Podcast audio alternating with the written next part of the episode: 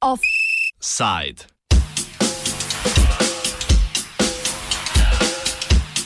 Policisti v maskah.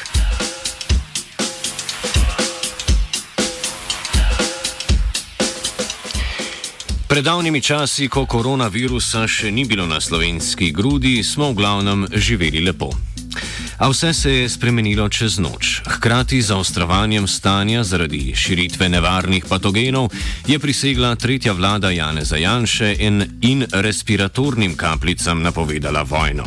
Poleg upeljave nekaterih učinkovitih gospodarskih ukrepov pa je napovedala vojno tudi prejšnji vladi, opoziciji, drugače mislečim, Nacionalnemu inštitutu za javno zdravje, Svetovni zdravstveni organizaciji, medijem in sindikatom. Med slednjimi je tudi sindikat policistov Slovenije, krajše SPS, ki poleg policijskega sindikata Slovenije združuje slovenske policiste. Thank you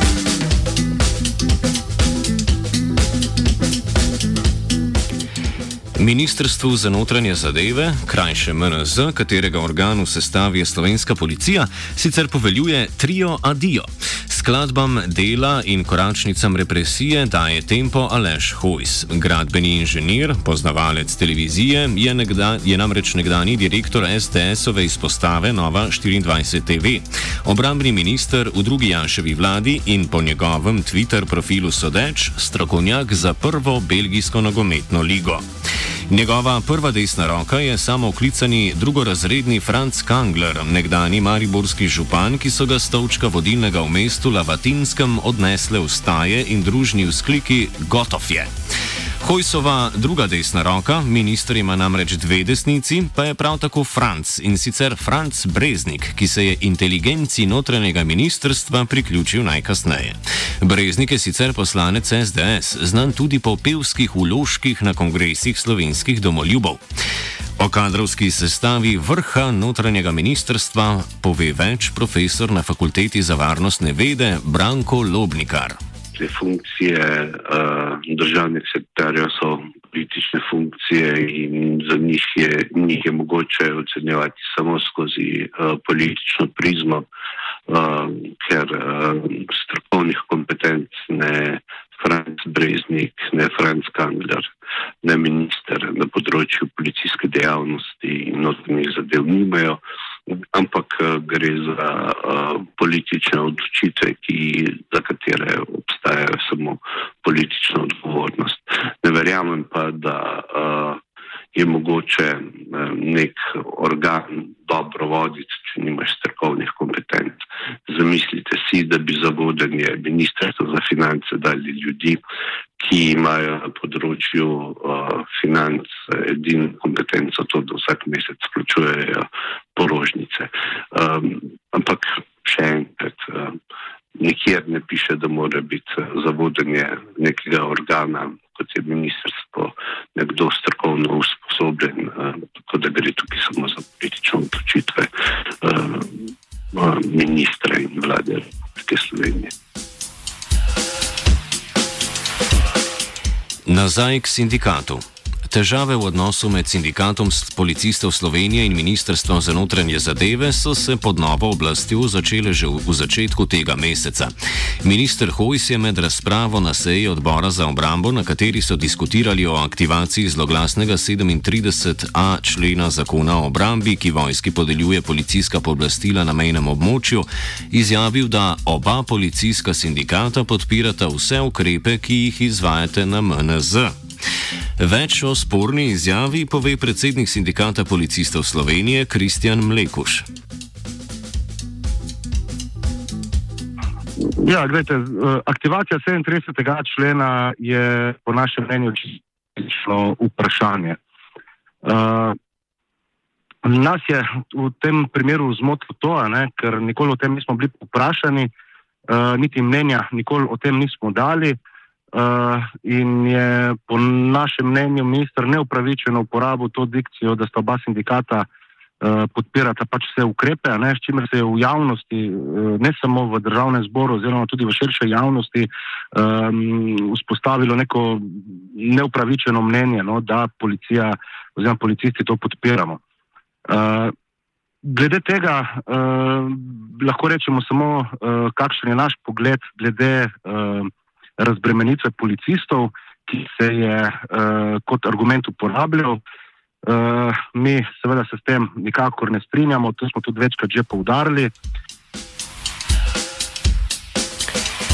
Na Ministrstvu za notranje zadeve so se odzvali na te navedbe. Med drugim so povdarjali dejstvo, da se sestanka predstavnikov obeh policijskih sindikatov z ministrom Hojsem Mlekuš sodelovci ni udeležil, saj so udeležbo odpovedali, da pa so se predstavniki drugega sindikata strinjali s, citiramo, napori vodstva ministrstva in policije za izboljšanje stanja v policiji. Konec citata. Zapis so zaključili z udarnim zaključkom, citiramo. Predlog za aktivacijo tega člena je minister na mizo prejel strani policije, zato reakcije sindikata ne razume, saj ravno policisti sami vse skozi opozarjajo na kadrovsko problematiko v policiji.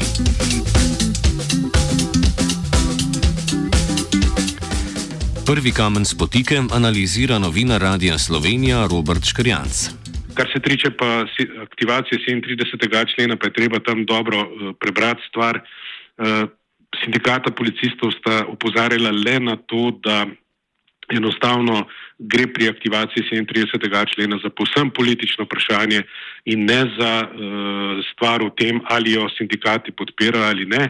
Da pa je bilo iz tega, ko je minister na odboru govoril o tem, kako sindikati podpirajo vse aktivnosti notranjega ministrstva, bilo možno razbrati, da podpirajo tudi aktivacijo 37. člena.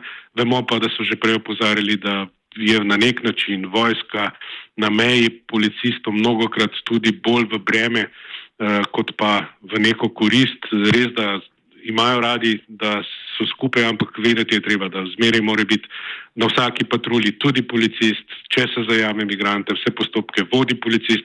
Najslabše pa bi bilo, če bi prišlo do nekega tekmovanja, kdo bi lahko zajel več uh, migrantov. Kajti to bi pomenilo več dodatnega dela za policiste.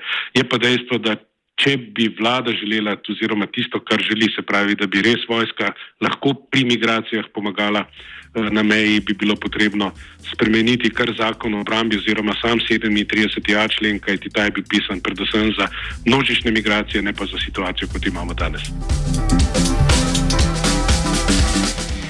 Da je 37a člen zakona o obrambi potreben prevetritve, meni tudi predsednik sindikata Mlekuš treba je tudi pogledati malo kontekst tega 37. člena, kdaj je bil sprejet, v kakšnih okoliščinah, kakšen je bil njegov namen. In uh, danes so okoliščine v primerjavi z begunsko krizo iz leta 2015 in 2016 popolnoma drugačne. Uh, danes imamo več uh, teh velikih množic, organiziranih ali polorganiziranih, uh, ki prihajajo na določene točke, kar je tudi namen te oblasti. Uh, ampak danes imamo predvsem uh, opravka z tihotapskimi združbami. Uh, pa, če samo banalno povem, ne, uh, vojak oziroma pripadnik slovenske vojske ne more takega človeka, ki, za katerega bi se sumil, da je ilegalni imigrant, ne uh, ugotavljati njegove identitete oziroma po domače legitimirati, kaj se le ustaviti, kakšen, kakšen uh, in tako naprej. Tako da je v bistvu ta 37. člen uh, neko iz nekega strokovnega videnja popolnoma neustrezan. Potem pa je zaškripalo še zaradi zaščitnih mask. Najprej se je razširila novica, da so policisti prejeli higijenske maske, ki so namenjene za uporabo v prehrambeni industriji in ne zaščitnih mask, ki so primerne za njihovo delo. Sporne maske naj bi, kot je v odzivu zatrdila generalna policijska uprava, sicer prejeli zgolj v eni policijski enoti in še to zaradi napake policijskega uslužbenca. Povdarili so še, da za zaščito policistov nabavljajo le zaščitne maske, ki ustrezajo vsem zahtevanim standardom, a v včerajšnjem prazničnem zapisu na Twitterju je SPS trditve, da je šlo zgolj za osamljen primer, demantiral. Citiramo. Policisti so dobili tudi maske v dvojni VR, ki so po videzu podobne kirurškim, vendar gre le za troslojne higijenske, ki so namenjene za delo v prehrambeni panogi. Več mlekuš. Rekel, uh, v neobvladovanju stvari uh, poskušajo to zadevo minimalizirati. Uh, in da je šlo to samo v eni policijski enoti in za uh, posamezen primer. No, mi smo pa v bistvu podlagi našega poziva, nas pa uh, naši člani in drugi zaposleni obvestili, da so se pojavile še druge vrste takšnih mask, uh, ki sicer uh, na prvi pogled kot kirurške, ampak uh, prav tako za uh, higijenske maske, ki ne nudijo popolnoma nobene zaščite. Tako da je očitno ne problem, uh, kje je nastal, težko komentiramo, to naj ugotovijo pač pristojne uh, službe. Uh, policija ima tudi uh, ustrezne mehanizme uh, postavljene, uh, tako da nas čudi, kako da tega še niso odkrili. Uh, bi pa rekel, no, da naš edini interes je ta, da se policistom nudi oprema, uh, ki jo za svoje delo potrebujejo. Pa še to mogoče bi omenil, uh, mi ostro zavračamo seveda tudi navedbe policije, uh, ki skuša prelagati odgovornost za zaščitno opremo na posameznega policista, kar je razvidno iz njihovega odgovora. Uh, ampak v skladu z zakonom o zdravju in varstvu pri delu je izključna odgovornost za zagotavljanje primernih zaščitnih sredstev na strani delodajalca, torej ministrstva za notranje zadeve policije, uh, ki imajo seveda tudi svoje strokovne službe, uh, zato ne more pa nekdo od zaposlenega pričakovati, uh, da bo poznal neke standarde, zakaj je nekaj primerno, pa ne. To je neustrezno in tak odnos je po našem mnenju posebno neprimeren. Na prvi poziv k zamenjavi mask se je na Twitterju odzval tudi minister Hojs. Zapisal je, da so neuporabne maske maslo bivšega vodstva policije in vlade, saj naj bi bile iz starih zalog. Na generalno policijsko upravo smo naslovili novinarsko vprašanje o novih nepravilnostih, ki jih je sindikat obelodanil včeraj, v odgovoru pa so zapisali, citiramo, danes smo na vse policijske uprave dodatno poslali zahtevo za preveritev vseh zaščitnih mask, ki jih imajo enote v skladišču uprav in na policijskih enotah in jih obenem pozvali naj, ukolikor katera enota nima ustreznih zaščitnih mask tip 2, standard SIST N14683, le te čim prej prevzame v centralnem skladišču MNZ. Odgovore strani enot, koliko imajo posameznih mask, še nismo prejeli. Vse omenjene maske so bile strani sekretarijata MNZ nabavljene v lanskem letu in preteklih letih. Konec citata.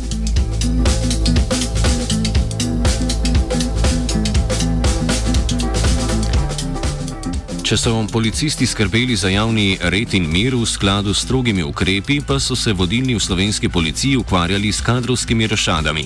Tako je vršilec dožnosti generalnega direktorja policije Anton Trauner na mesto prvega kriminalista v državi začasno imenoval Vojka Urbasa, ki je nasledil dosedanjega direktorja uprave kriminalistične policije Boštjana Lindava.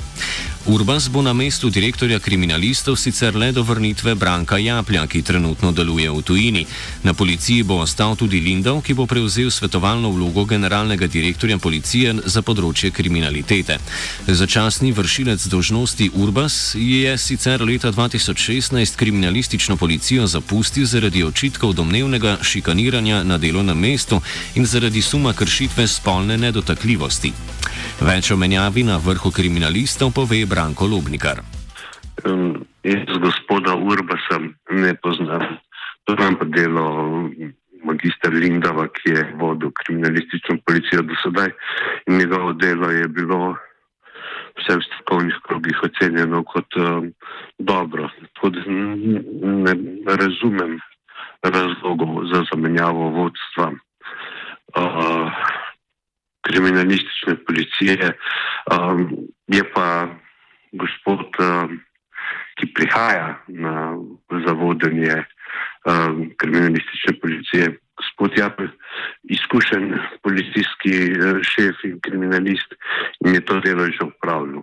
Ne, ne vem pa, kakšni so razlogi za uh, to začetno menjavo, razen tem, da verjetno generalni direktor policije, um, bivšemu, zdaj že bivšemu um, direktorju kriminalistične policije ne zaupa, ali pa da imajo uh, uh, različne poglede na način vodenja uh, preiskav uh, kaznjih dejanj v Republiki Sloveniji. Nov šef slovenskih policistov Anton Travner, ki ga je Janševa vlada imenovala že na konstitutivni seji, pa bo v bližnji ali daljni prihodnosti skoraj zagotovo zamenjal še šefa nacionalnega preiskovalnega urada. Ravno NPU, ki organizacijsko sodi v sklop uprave kriminalistične policije, pa preizkuje sporno financiranje SDS-ovih medijev. Na vprašanje, ali bo Travner res zamenjal še direktorja NPU, odgovarja Lubnikar.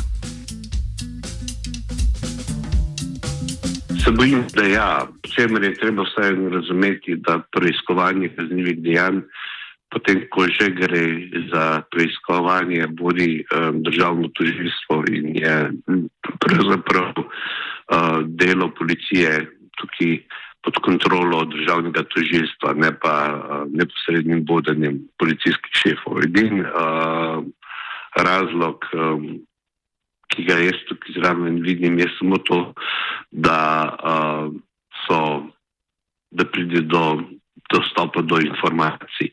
Drugih, uh, drugačnega vpliva pa načeloma niti ne more priti, zaradi tega, ker zgolj zamenjava vodstva uh, nekega organa, še ne pomeni tudi uh, dejanske zaustavitve ali vpliv na postopek.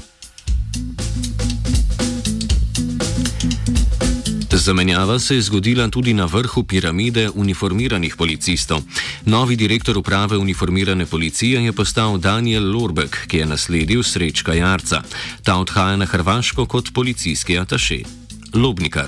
Daniel Lorbek je izkušen policijski vodja, ki je zelo dolgo časa vodil policijsko upravo Maribor in odnegdaj velja za enega bolj uh, izkušenih policijskih vodij, uh, za njega ne dvomim, da bi bil sposoben uh, voditi uniformirano policijo in uh, je takšna zamenjava. Sicer uh,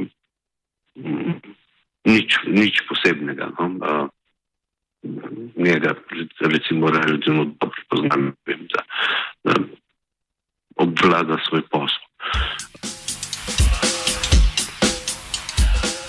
Ja, policiji in notranjemu ministrstvu dogaja. Offside je pripravil Urh.